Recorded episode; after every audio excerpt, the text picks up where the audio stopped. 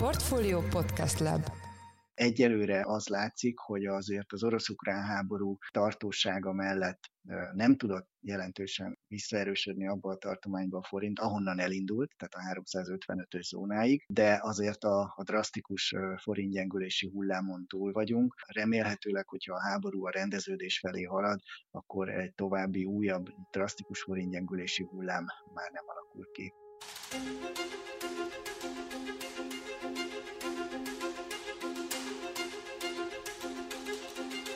Sziasztok, ez a Portfolio szerdánként jelentkező heti podcastje, én Orosz Márton vagyok, a műsor házigazdája.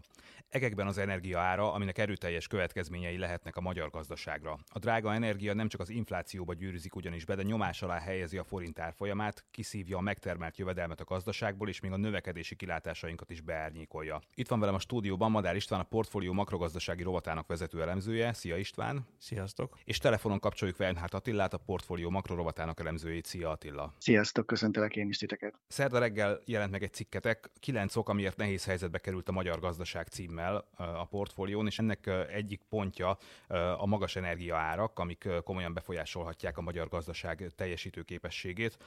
István, te hogy látod, hogy mi okozta az energiaárak ugrásszerű emelkedését az elmúlt időszakban? Itt csak a háborúról beszélhetünk-e, vagy lehetnek más tényezők is? Abszolút vannak más tényezők. Ha valaki ránéz egy grafikonra akár, akkor azt láthatja, hogy igazából a nagy emelkedés az elindult tavaly a második fél évben. Tehát szó nincs arról, hogy ezt kifejezetten az orosz-ukrán háború okozta volna.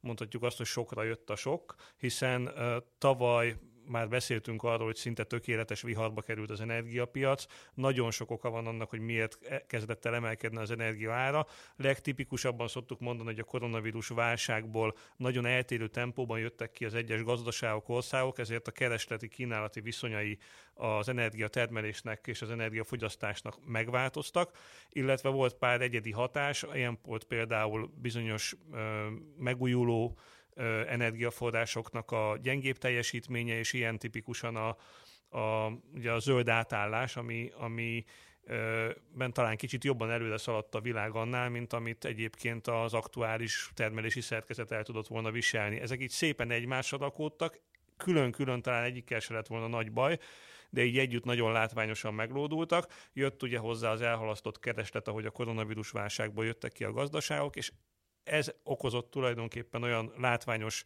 emelkedést már, amire korábban nem nagyon volt példa. Ugye azért az energiapiacon is már azért az nyersanyag árak ingadozóbbak, de azért 10-20-30 százalékos csökkenésekről, emelkedésekről szoktunk beszélni, és már tavaly többszöröződött például a gáznak az ára, és erre jött rá tulajdonképpen ez az orosz-ukrán krízis, ami ugye részben azért, mert Oroszország egy nagy energiaexportőr, részben pedig az egész háború körüli bizonytalanság eredményezte azt, hogy ilyen magasan ragadtak, sőt még följebb kúztak az árak.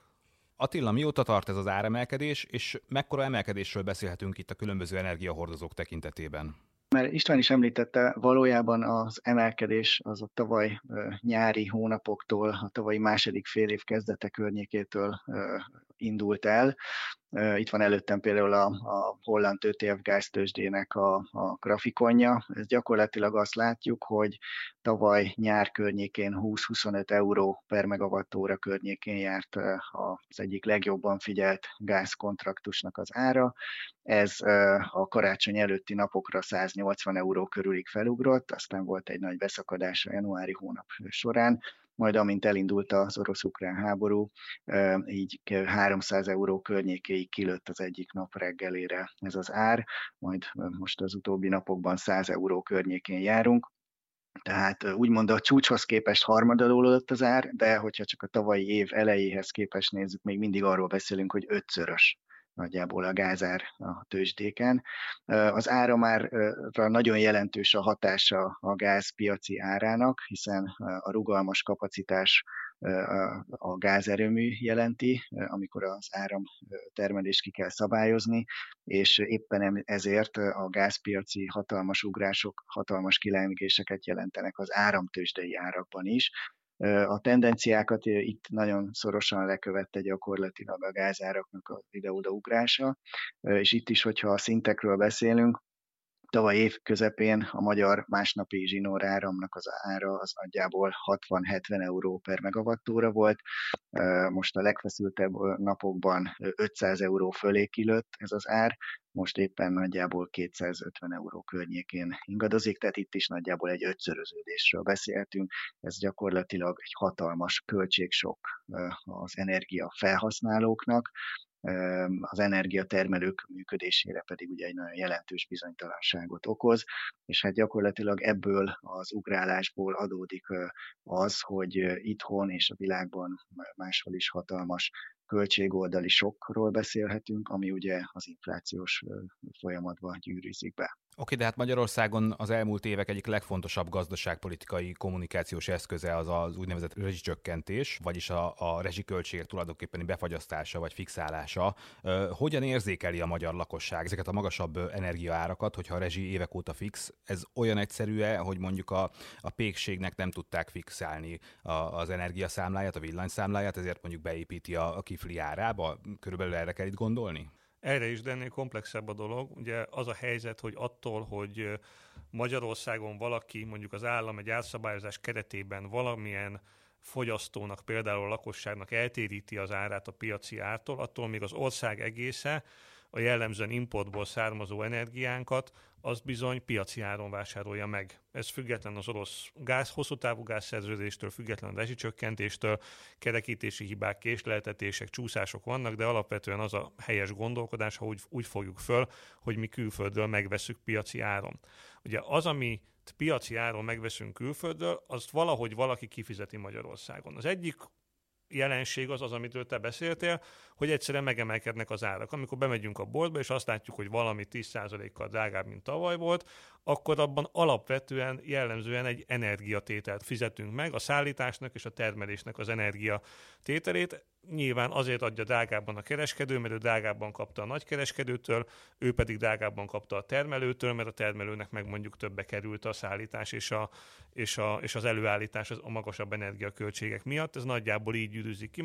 Azt is, hogy a, a, az energia import számlát azt a fogyasztói árakon keresztül a lakosság fizeti meg általában. Ugye hát nyilván azért vannak köztes szereplők is, akiknek csökken a profitja, de ez a jellemző út. Ott, ahol nem megy át a piaci árakba az energia költségnek az emelkedése, tipikusan ugye a rezsi, ott az történik, hogy a magyar villamos művek, tehát az állami energiaszolgáltató az, aki energiakereskedő az, aki tulajdonképpen veszteséget könyvel el, mert drágábban veszi, mint amennyire adja ezt az energiát. Ez a veszteséget jelent számára, nyilván hosszú távon nem tudná csinálni, ha csak nem pótolja ki az állam, úgyhogy a másik klasszikus ilyen elosztozkodási folyamat az az, hogy az állam fogja, és ő ki, ki, kipótolja valahogy ezt a, ezt a bevételt. Rövid távon nyilván adósságot bocsát ki, hosszabb távon viszont természetesen, főleg ha ennyire magasan maradnak az árak, akkor ilyen ezer milliárd forint nagyságrendű vagy körülbelül 1000 milliárd forintos veszteségnek az éves kipótlásáról lenne szó. Ez természetesen akkor azt jelenti, hogy az állam vagy más kiadások rovására, vagy megemelkedő adóbevételek terhére tudja ezt kifizetni. Úgyhogy nagyjából ezek azok a csatornák, amiken keresztül be, begyűrűzik ez az egész folyamat a, magyar gazdaságba. És ugye, ahogy azt írtuk is, ez azt jelenti, hogy mondjuk 100 forint megtermelt magyar jövedelemből most akár 5-6-7 forinttal is többet lehetünk kénytelenek kifizetni import számlára, mint amennyi, külföldre, mint amennyit egyébként szoktunk, ami azért óriási változás, hiszen azért az, az, a, az a pénz az hiányzik a magyar gazdaságból, a magyar mm, emberek azt látják, hogy mondjuk a, elviszi a bérüket a, a magasabb infláció, és uh, ugye esetleg későbbiekben, akár ugye a választások után, akár adóemelések formájában is kénytelen lesz kifizetni ezt a magasabb uh, energiaszámlát. Attila, ti mindig egy konkrét elemzést is készítettetek arról, hogy a GDP mekkora részét érintheti az ország energiaszámlájának emelkedése. Itt milyen szenáriókkal és mekkora növekedéssel kalkuláltatok? Próbáltunk alap optimista és pessimista forgatókönyveket lefektetni az energiaárak tekintetében, és ebből képezni egy olyan táblázatot, amely áttekinthetővé teszi ezt az egyébként elég bonyolult témakört. Abból indultunk ki, hogy a földgázpiacon 60-90, illetve 120 euró lenne mondjuk egész évben most az átlagár, akkor mi történne? Csak egy gyors referencia, hogy jelenleg ugye 100 euró környékén járunk, tehát inkább a pessimista irányba hajlik a, a, a, az adat. De voltunk ugye nyilván itt a tavalyi év során azért 50-60 euró körül is, illetve egy évvel ezelőtt még gyakorlatilag 20 euró környékén is. Az olajpiacon, hiszen az még egy nagyon jelentős meghatározó tényező, itt pedig 80, 100 és 120 dollár per hordó árakkal kalkuláltunk. Itt ugye a jelenlegi piaci ára 110, euró, 110 dollár környéke, tehát itt is inkább a pessimista tartomány felé hajlik az aktuális állapot. És mindezekből jött ki az, hogy a magyar gazdaság nettó import számlája a GDP-hez képest kettő és fél, illetve 7,7%-kal romlana, azaz emelkedne meg. Nyilván az optimista-optimista forgatókönyvtől a pessimista-pessimista forgatókönyvig halad a, a tartomány. Ez, ahogy István is említette, hogyha csak leegyszerűsítjük, hogy 100 forintnyi megtermelt jövedelemből, ez azt jelenti, hogy a legjobb esetben is legalább két-három forinttal több fog elmenni az energiaszámlánkra, mint tavaly. A legrosszabb eset, hát nyilván nem tudjuk majd a tényadatokat, de itt a, ugye a pessimista-pessimista forgatókönyvnek az összeolvasásával pedig az jön ki, hogy nagyjából 8 forinttal romlana a gazdálkodásunk ilyen értelemben, ez brutális mértékű gazdasági pálya romlást jelent, hiszen egyszerűen a ugyanannak a gazdasági környezetnek, vagy a gazdaságunk fenntartásának a finanszírozása az legalább 7-8 forinttal ugrana meg ebben a forgatókönyvben. Ez nagyon jelentős sokkot jelent a gazdasági szereplőknek, a versenyszektornak, de hogy ugye István címént említette, áttételesen a lakosság számára is, hiszen ugye ezt a pénzt valakinek ki kell fizetnie, és ugye nem direktben a rezsiszámlán keresztül fizeti a lakosság, akkor áttételesen a magyar állam adóbevételeinek az energiaszolgáltatók felé való átcsoportosításon keresztül végül is áttételesen megfizetjük. Ezt a cikket természetesen belinkeljük majd itt a podcastünk alá, de egyébként szerinted van realitása ennek a szuper pessimista forgatókönyvnek? Sajnos van, hiszen ugye ez, az, orosz-ukrán háborúnak a kimenetele azért alapvetően befolyásolja azt, hogy az energiaárak jelenleg hogyan alakulnak, és éppen ugye holnap, holnap után kerül sor egy nagy jelentőségű EU csúcsra, ahol ugye az amerikaiak és néhány Európai Uniós tagállam is azt szeretné, hogyha kimondanánk azt, hogy az orosz olajra embargót hirdetünk. Azaz, hogy semmilyen csatornán keresztül például ne vegyünk az oroszoktól olajat, hiszen a kimondott cél az az lenne, hogy minél nagyobb fájdalmat okozzunk az orosz gazdaságnak, az orosz export szerkezetnek, és ezen keresztül gyakoroljunk hatást a háború költségére, azaz a háború minél előbbi befejezésére. Itt idézőjelben a probléma csak annyi, hogy néhány tagállam például 50-60-70 százalékban függ az orosz olajtól, ide tartozik például Magyarország is és Németország is. Így tehát gyakorlatilag az orosz olajról való lemondás az azt jelenti, hogy más világpiaci szereplők felé kellene fordulni, egy higgadt, normális piaci környezetben ez egyébként nem jelentene drasztikusan nagy további többletkeresletet az egyéb olajtermelők felé, de nyilván már, ahogy említettük is, ugye eleve egy hiszterizált piaci helyzetről van szó, és ha erre egy ilyen sok rárakódik, az természetesen az olajárakat még jelentősen tovább tudna emelni. Így tehát a jelenleg a táblázatunkban foglalt 120 dollár per hordós árnál is sokkal pessimistább esetek is előfordulhatnak. Nyilván az átlagár az azért ettől még eltérő lehet, de lehetnek nagyon feszült hetek, hónapok, amikor ezek az árak elszállnak az égbe. A gázáraknál ugyanez a helyzet, ahogy említettem, voltak olyan napok most, amikor bizonytalan volt, hogy az oroszok szállítanak-e egyáltalán Európába, 300 euró per megawattóra fölé kilőtt az ár.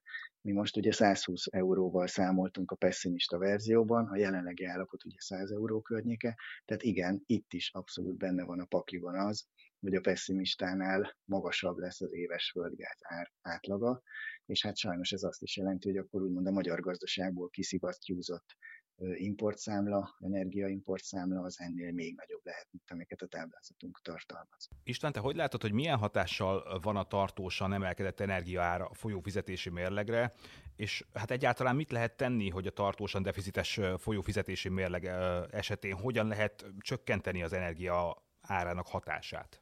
Ugye, hogyha azt gondolnánk, hogy ezt az előbb emlegetett, Attila által is emlegetett számokat egyszerűen csak be kell rakni a folyófizetési mérlegbe, akkor ez azt jelenteni, hogy akkor az előbb emlegetett 2 kötője 8 pontos GDP arányos folyófizetési mérleg hiány növekedés alakulna ki. De ugye ez egy nagyon statikus gondolkodás, ez azt jelenteni, hogy mi csukott szemmel folyjuk, és valóban kifizetjük ezt az összes ö, energiát, és kész. Ugye ez, valójában a gazdaság nem így működik. Tehát akkor, hogyha ugye nincsen rá pénz, mert hogy ugye ez mind-mind gyakorlatilag, amikor folyó fizetési mérleg hiányról beszélünk, akkor leegyszerűsítve arról beszélünk, hogy többet fogyasztunk, használunk föl jövedelemből, mint amennyink van.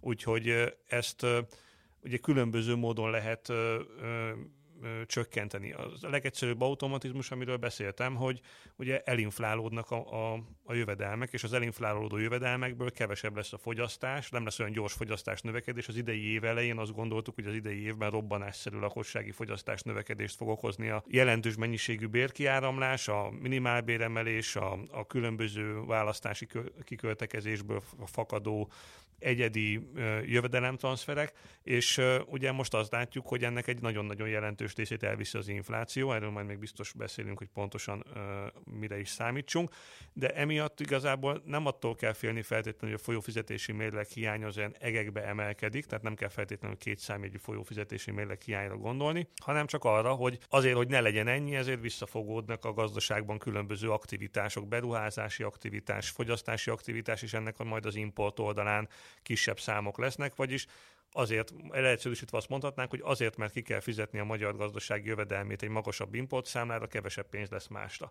Ezért, és ugye általában is az a helyzet, hogy a folyófizetési mérleg hiányát nem kell feltétlenül túl misztifikálni, hiszen vannak olyan szituációk, amikor semmi baj nincs azzal, hogy egy országban folyófizetési mérleg hiány van, például azért, mert azért áramlik be egy csomó jövedelem, mert itt akar mondjuk egy vállalkozás működőtőke formájában tevékenykedni, és akkor behoz egy csomó működőtőkét, meg importterméket, és akkor meg is teremtődik a fedezet. Ugye akkor van rizikó, hogyha ezt valamilyen eladósodás finanszírozza, és ez esetleg túl, túlzott mértékű lehet. Ugye Magyarországon a külső adósság szintünk szerencsére már elég sokat csökkent a pénzügyi válság óta, 2008-as pénzügyi válság óta, ugyanakkor például a az államnak az államadóság szintje az viszont elég magas szinte visszaugrott, érzésem szerint indokolatlanul magas szinte a koronavírus válság miatt, és ugye ez a most jövünk le, újra elkezdtünk csökkenni erről a 80%-os államadóság szintről, de ez még elég magas, és ezért ott például van annak rizikója, hogyha az állam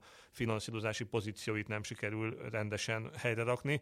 Ugye az idei évben is még a kicsit lejjebb húzott hiánycél ellenére is 5% körüli GDP arányos hiánynal számoltunk az év elején, és ugye azért azóta inkább negatív irányba romlottak a kilátások. Tehát azt lehet mondani, hogy, hogy nem maga a folyófizetési mérleg hiány lesz nagy feltétlenül, bár nyilván növekedni fog, hanem, hanem azokat a hatásokat kell majd élénken figyelni, hogy hogyan alkalmazkodik mindez a gazdaság, mennyire száll el az infláció, és persze mennyire száll el a fizetési mérleg, és hogyan alakul ennek hatására a költségvetésnek a helyzete. Ezekre mind-mind hatást gyakorol a mostani energiahelyzet, és ennek a mixét kell majd látnunk, hogy ez mennyi kockázatot okoz a magyar gazdaság szempontjából akkor segítsetek megérteni, hogy pontosan milyen hatással van, hát mondjuk akkor áttételesen a magas energiaára a gazdasági növekedésre, az inflációra, és hát ami sokakat érdekel szerintem a forint árfolyamára.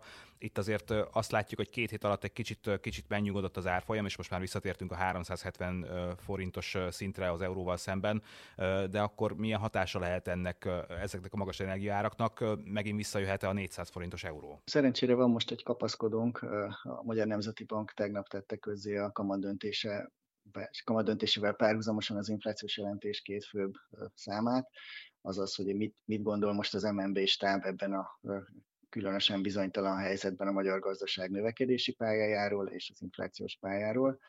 Itt gyakorlatilag ez is abszolút szembeötlően mutatja azt, hogy ennek az új helyzetnek, az energiaárak elszállásának, illetve a háború kitörése miatti egyéb gazdasági bizonytalanságnak mi az össz várható hatása. Az MNB stáb most azt mondja, hogy az idei gazdasági növekedés az a 2,5-4,5 százalékos egészen széles tartományban várható, ami a decemberben mondott 4 kötőjel 5 százalékos növekedéshez képest egy nagyon jelentős vágást jelent. Bár egyébként az év elején még 6 százalék körüli növekedési előrejelzésben gondolkodhattunk, tehát ahhoz képest viszont nagyon drasztikus a gazdasági helyzetnek a romlása.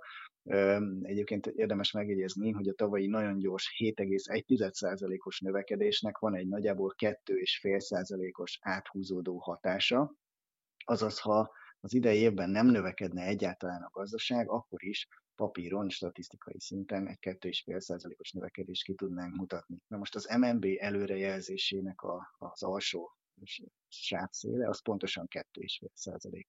Ez azt jelenti, hogy gyakorlatilag benne van a pakliban az, hogy ez a, a különösen bizonytalan gazdasági helyzet és az energiaárak elszállásának az együttese, az ad abszurdum odáig is elvezethet, hogy idén a gazdaság már nem nagyon tud nőni.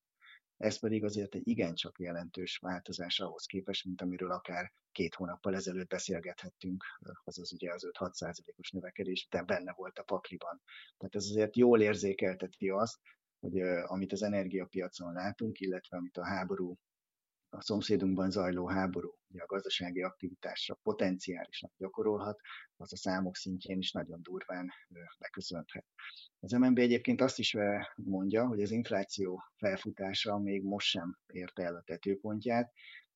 A, a az ábrája az azt mutatja, hogy a következő hónapok során a 10% feletti tartományba is emelkedhet akár az infláció, akár 11-12%-ig is, és az éves átlagra mondja az MNB stáb azt most, hogy 7,5-9,8% közötti lehet majd az átlagos pénzomlás üteme.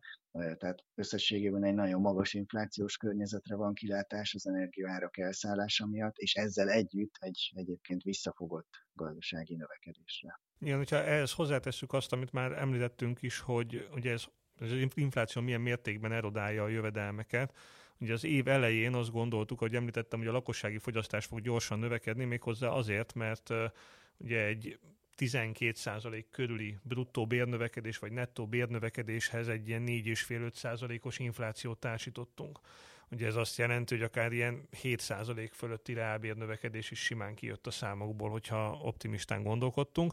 Most ugye ez a akár 10%-ot is elérő inflációhoz jön egy ilyen 10-12 százalékos bérnövekedés, ami akár szintén egy kicsit mérséklődhet, már évközben kevésbé szokott, de azért ha nagy a sok, akkor azért lehet, hogy ott is van akár bértömegcsökkenés, a foglalkoztatás bővülése is elakadhat, stb. Akkor azért azt lehet mondani, hogy a gazdaságban levő reál bértömeg, mint kereset, azért az elég jelentős dinamika vesztésem megy keresztül most az elmúlt hónapokban, és ez, ez ugye nyilván azt jelenti, hogy az egyik első számú ilyen gazdasági driver, hajtóerő az, az, az alaposan elveszítette a, a húzó erejét. Ugye a másik az a beruházás lett volna. A beruházásoknál már eleve volt egy óvatosság, részben azért, mert az Európai Uniós források nem jönnek, részben azért, mert a kormányzat is fölismerte, hogy itt 6% körüli GDP arányos költségvetési hiánya nem lehet komolyan neki menni egy 2022-es évnek, tehát már jelezte, hogy több milliárdos beruházási halasztást, elhalasztást, törlést, visszafogást fog végrehajtani. Ennek a részleteit azóta nem ismerjük, de maga a tény, a szándék az, az megtörtént, hogy ezt, hogy ezt bekövetkezzem. És ugye emellett a maga az energiaára, hogy említettük, emelkedése, az ugye a profitot is csökkenti, a vállalati profitot. És amikor a vállalati profit is csökken, akkor nyilván az a beruházási hajlandóságot is visszaveti, hiszen nem egyszerűen csak azért, mert hogy úristen kevesebb pénzem van, de ugye ezzel párhuzamosan emelkednek a kamatok, tehát a hitelképessége is csökken egy vállalatnak. Ha egy kevésbé profitábilis vállalat magasabb tőkeköltség mellett akar hitelt fölvenni, akkor nyilván neki is sokkal nehezebb a dolga, hiszen kevésbé hitelképes. Egyébként az egész üzleti környezet bizonytalansága nehezíti az üzleti tervezést, ezért nyilván azokat a típusú beruházásokat, amelyek neccesebbek, amiket egy optimista üzleti környezetben még bátran meglépett egy vállalkozás, azokat elhalaszthatja. Tehát emiatt, emiatt tulajdonképpen az, amikor arról beszélünk, hogy lehet, hogy megáll a gazdaság növekedés, akkor, akkor az nem azt jelenti természetesen, hogy hatalmas válság lesz, csak hogy mondjuk egyik negyed évről a másikra eddig hozzászoktunk, hogy akár egy százalékkal is gyorsabban növekedett a gazdaság, ez most lehet, hogy lemegy nullára, még az is lehet, hogy egy-két ilyen gyenge mínuszos negyedévet is látunk. Abban az esetben, hogyha valóban ez a, ez a mostani helyzet kitart, és az orosz háború nem, nem enyhül nagyon gyorsan, vagy valamilyen visszarendeződés nem lehet. Ugye tegyük hozzá, hogy egy ilyen hiperoptimista forgatókönyvben nagyon jókat tudunk mondani, mert annyira szélsőségesek voltak a negatív irányba a változások, hogy ebből még egy gyors visszarendeződés elképzelhető lehetne, ha egyébként nagyon sok probléma megoldódna, mondjuk főleg ezek a geopolitikai feszültségek. De azért azt látni kell, hogy a beszélgetés elején is jeleztük, hogy az energiával nem csak az az egyetlen gond, hogy, hogy Oroszország lerohanta Ukrajnát, hanem már előtte is azért voltak áremelkedési folyamatok, ezért azért teljes visszarendeződésre nem lehet számítani. Egyelőre most itt tartunk, és akkor arról még ugye nem is beszéltünk, hogy a koronavírus már mindenki zárójelbe rakta, pedig azért ott is még lehetnek újabb körök, amik, amik nehezítik a helyzetet. És ugye amit, amit még a növekedés kapcsán nagyon fontos elmondani, hogy ugye eddig arról beszéltünk valójában, hogy milyen árhatások vannak. Ezek az árhatások ugye ilyen finom mozgások, még akkor is, ha most ilyen ötszörözésekről beszéltünk, mert van energia, csak sokkal drágább. Ugye most egy kicsit drágább, most meg nagyon drágább, most meg kicsit megint visszajön, tehát hogy ezzel kell számolni. Ugye vannak olyan tényezők is, amik nem ilyen lineáris jelleggel működnek, hanem ilyen 0-1 jelleggel, vagy van alapanyag, vagy nincs. És ugye az orosz-ukrán gazdasági kitettségünk elvileg az energiát leszámítva nem nagy, de azt már a koronavírus válság kapcsán is megtanulhattuk, hogy óriásit változott akár csak az utóbbi 10-15 évben a világ, ilyen szoktuk világfalunak is hívni más kontextusban, de tulajdonképpen arról van szó, hogy a gazdasági kapcsolatok annyira szorossá váltak, annyira természetessé vált, hogy egy termelési láncon akár több ezer kilométert utaznak termékek, ö, rakódnak rá hozzáadott értékek bizonyos végtermékhez, hogy emiatt az világossá vált, hogy nem, akár nem csak Kína, hanem, hanem mondjuk Ukrajna esetében is, ha ott eltűnik a termelés egy része, akkor az problémát okoz mondjuk egy magyar feldolgozóipari üzemben. Ugye erre már láttunk egyébként első példákat, tehát emiatt igazából vannak olyan meggyorsulhatatlan hatások, amik lehet, hogy egyáltalán nem fognak zavarni, vagy egy-két hetes problémát okoznak egy-egy kisebb üzemnél, de az is lehet, hogy tartós ellátási problémákhoz vezet, és a tartós ellátási problémák miatt akár ugye elakadások lehetnek, és egyszerűen nem 10%-kal kevesebbet termelünk, hanem nem termelünk. Ugye, és az, az, ezeket nagyon nehéz előre jelezni, és ahogy a koronavírus válságból jöttünk kifele, és tapasztaltuk azt, hogy ezek a típusú jelenségek makacsak, és itt vannak velünk, és élnek, és ugye már nem nagyon aggódtunk a, a járványügyi helyzet miatt, vagy jóval kevésbé, mint korábban, de még mikrocsipet még mindig nem láttunk a, a, a gyárakban. Ahhoz képest ez, ez a tanulság, ez tovább folytatható, tovább fejthető, és bár nyilván nem Kínáról van most szó, amelyik ugye a világ nagy összeszerelő üzeme, meg alapanyagellátó területe, de azért Oroszország és Ukrajna is elég nagy ahhoz, hogy bizonyos területeken hasonló jellegű ö, folyamatokat kiváltsanak. A Portfolio heti podcastjének támogatója az április 6-i Agrárium 2022 konferencia. A Portfolio csoport tavaszi Agrárium 2022 konferenciájának célja, hogy a gazdálkodási évet megalapozó, illetve megerősítő információkat nyújtson a hazai agrárgazdaság résztvevőinek. A rendezvény arra fókuszál, hogy bemutassa és részletesen kifejtse azokat a legfontosabb jogszabályi, támogatási, piaci, finanszírozási, innovációs és jövedelmezőségi változásokat, amelyek döntően befolyásolhatják a piaci szereplők tevékenységeit. A konferencia gyakorlati útmutatással és naprakész információkkal járul hozzá ahhoz, hogy az agrárgazdasági vállalkozások eredményes gazdasági döntéseket hozhassanak. Az április 6-i rendezvény valamennyi üzemméretű gazdálkodónak hasznos tájékoztatást nyújt a 2022-es évet érintő legjelentősebb agrárgazdasági változásokról. Ugye a forintnál az orosz-ukrán háború kitörésének a napjaitól egy nagyon jelentős gyengülés alakult ki. Ennek több oka volt. Az egyik az az, hogy nyilván a szomszédunkban alakult ki egy háborús helyzet, így ez nyilván azt üzeni, hogy a gazdasági aktivitásnak a rombolását azt elsődlegesen az, azokban az országok, azok az országok szenvedik el, amelyek nagyon közel vannak egy ilyen katonai konfliktushoz. Másrészt ugye azért az infláció itthoni felpörgése melletti MNB kamatemelés az nem volt még elégséges, a reálkamat még mindig nagyon masszívan negatív volt a háború kitörése környékén, és ezért is kellett az MNB-nek nagyon szaporán emelnie a kamatokat, gyakorlatilag minden héten jött ki az egyhetes betétet érintő kamatemelési döntés, és ugye a keddi mostani százbázis fontos kamatemelésnek is ugye csütörtökön várhatóan lesz majd egy folytatása. Tehát összességében egy a negatív reálkamatból adódó forintgyengülési hatás is volt, illetve volt egy speciális tényező is, mi szerint ugye a nyugati szankciók hatására, illetve az arra lépett orosz szankciók miatt nagyon sok külföldi befektetőnek, alapkezelőnek átmenetileg beragadhatott a pénze az orosz piacon. És így, hogy a befektetői felé prezentálni tudja a viszonylag jó számokat, ezért ott próbált eladni, ahol csak tudott.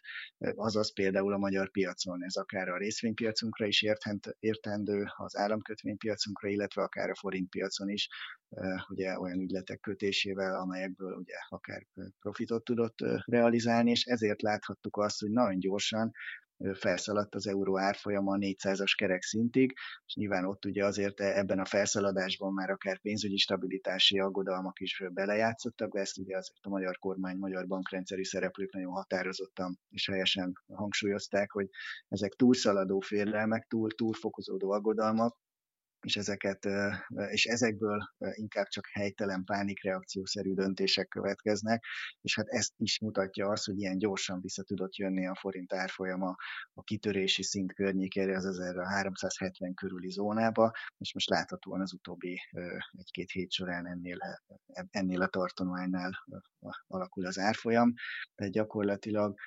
Egyelőre az látszik, hogy azért az orosz-ukrán háború tartósága mellett nem tudott jelentősen visszaerősödni abba a tartományba a forint, ahonnan elindult, tehát a 355-ös zónáig, de azért a, a drasztikus forintgyengülési hullámon túl vagyunk, és remélhetőleg, hogyha a háború a rendeződés felé halad, akkor egy további újabb drasztikus forintgyengülési hullám már nem alakul ki.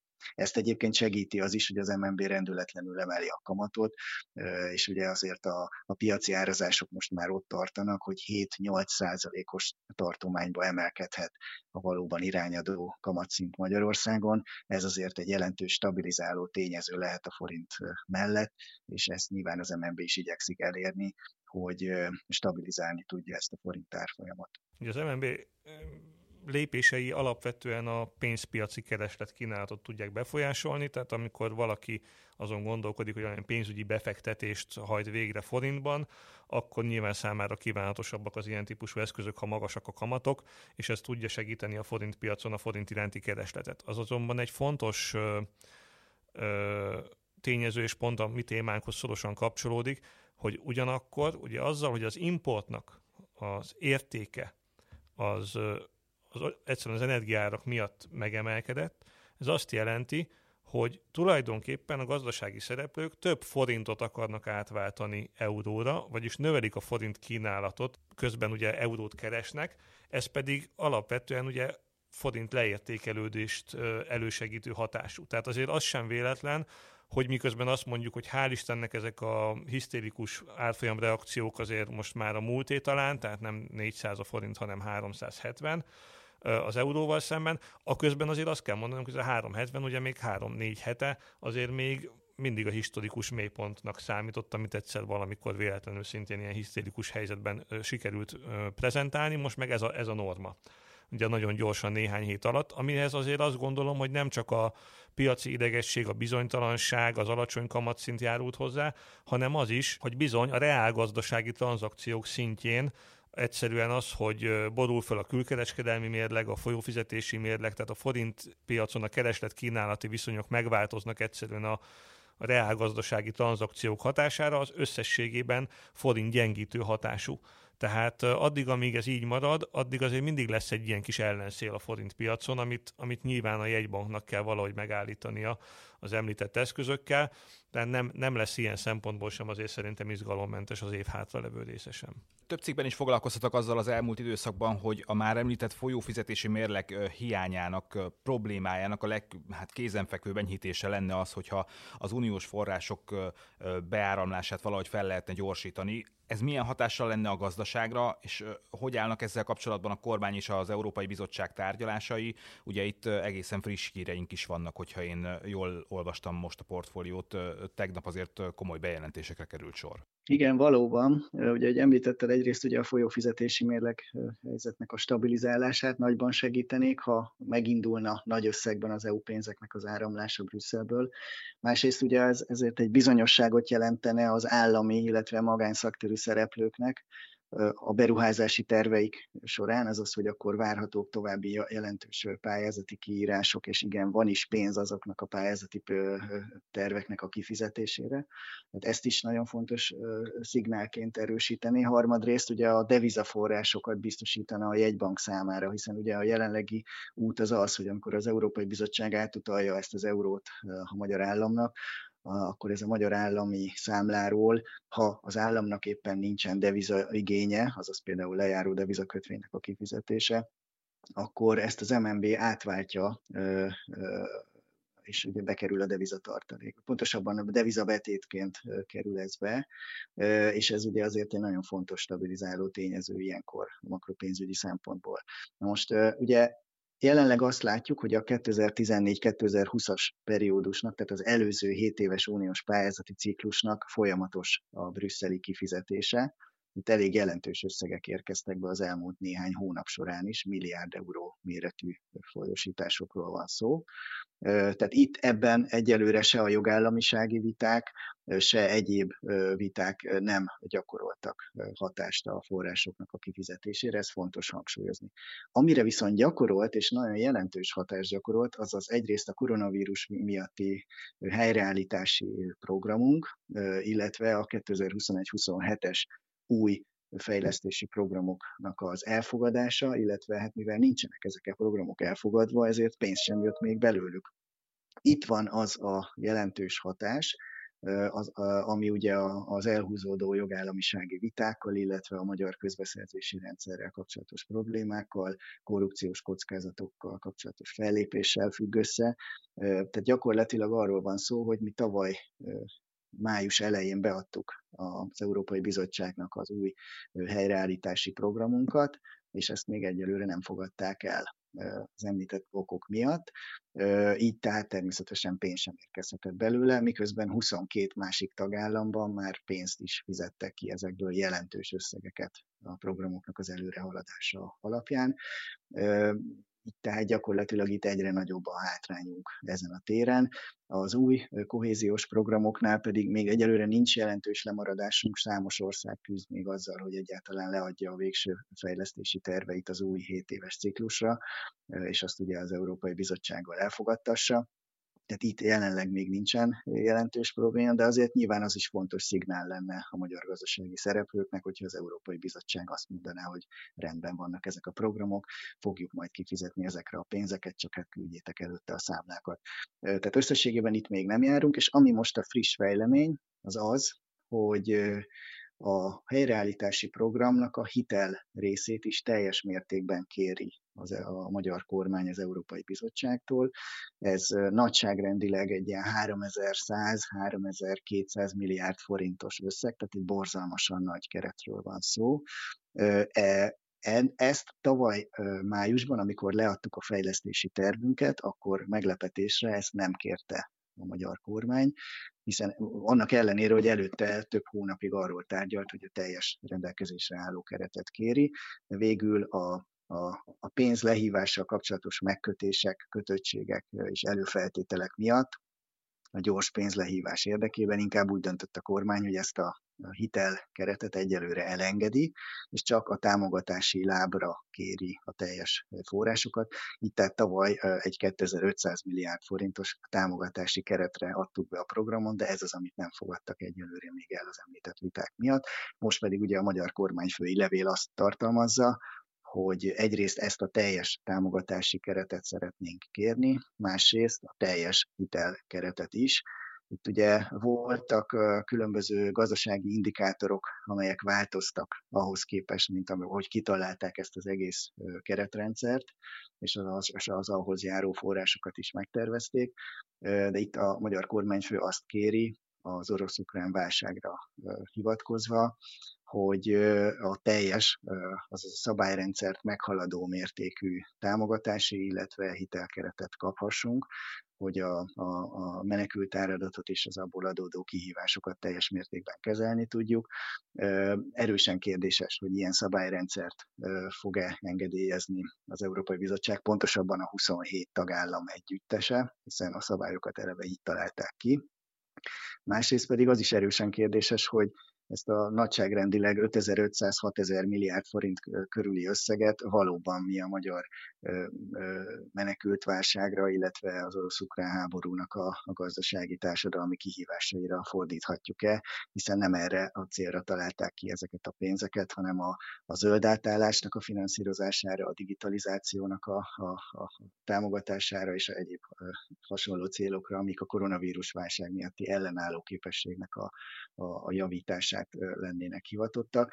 Tehát itt könnyen lehet, hogy ebbe a levélbe és az itthoni ebből adódó kommunikációba eleve kódolva van egy újabb konfliktus, azaz, hogy mi kérünk forrásokat a, a mostani kihívásoknak a kezelésére, amit az orosz-ukrán háború okozott, miközben a bizottság pedig nem erre fogja adni ezeket a pénzeket, hanem egyébként már az múlt héten is történtek olyan döntések, amelyek ennek a menekültválságnak a kezelésére plusz forrásokat biztosítanak, de hát itthon ugye ezt majd el lehet mondani, hogy hát a bizottság megint csak nem segít a magyar kormánynak, de ez nyilván az itthoni fogyasztásra szóló üzenet. A lényeg az az, hogy ebben kellene előrelépni, és az a nagy kérdés, hogy azok a felajánlások, amelyek a háttérben most az Európai Bizottság felé megfogalmazódhattak, azaz, hogy a pénzek kiszabadításáért, a programok elfogadásáért mi milyen feltételeket vagyunk hajlandók megtenni itthon, akár az intézményrendszernek az itthoni átalakításában, a korrupciós kockázatoknak az enyhítésében, a közbeszerzési rendszernek az átalakításában, hogy ezekben rövidesen dűlőre lehet eljutni.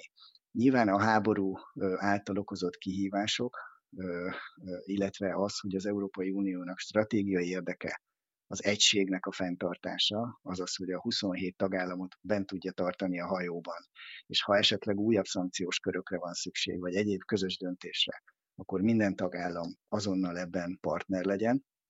Ez a, ez a nagyobb keret, ez természetesen abba az irányba halad, vagy a, afelé mutatna, hogy legyen engedékenyebb a, az EU pénzek terén a magyar kormányjal az elmúlt évekbeli viták ellenére, de közben ugye vannak érvényes ö, ö, európai bírósági döntése jogállamisági mechanizmusnak a, a végrehajtási lehetőségéről, európai parlamenti állásfoglalásoknak a tömkelege, és hát ugye azért az Európai Bizottság is az elmúlt években folyamatosan azt ígérte, hogy nem lesznek elfelejtve azok az ügyek, amelyeket ő problémának lát.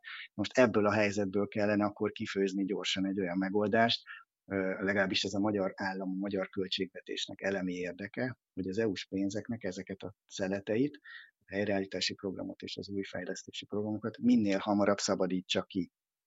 Itt az a nagy kérdés, az egyébként küszöbön álló jogállamisági mechanizmus mellett ezeket a pénzeket még ki lehet-e fizetni, elindul-e majd valóban a pénzeknek a kifizetése, vagy idézőjelben csak odáig jutunk el, de ez is egyébként fontos eredmény lenne, hogy az Európai Bizottság elfogadja ezeket a programokat, azaz, hogy kötelezettséget vállal arra, hogy ezeket a pénzeket majd ki fogja fizetni.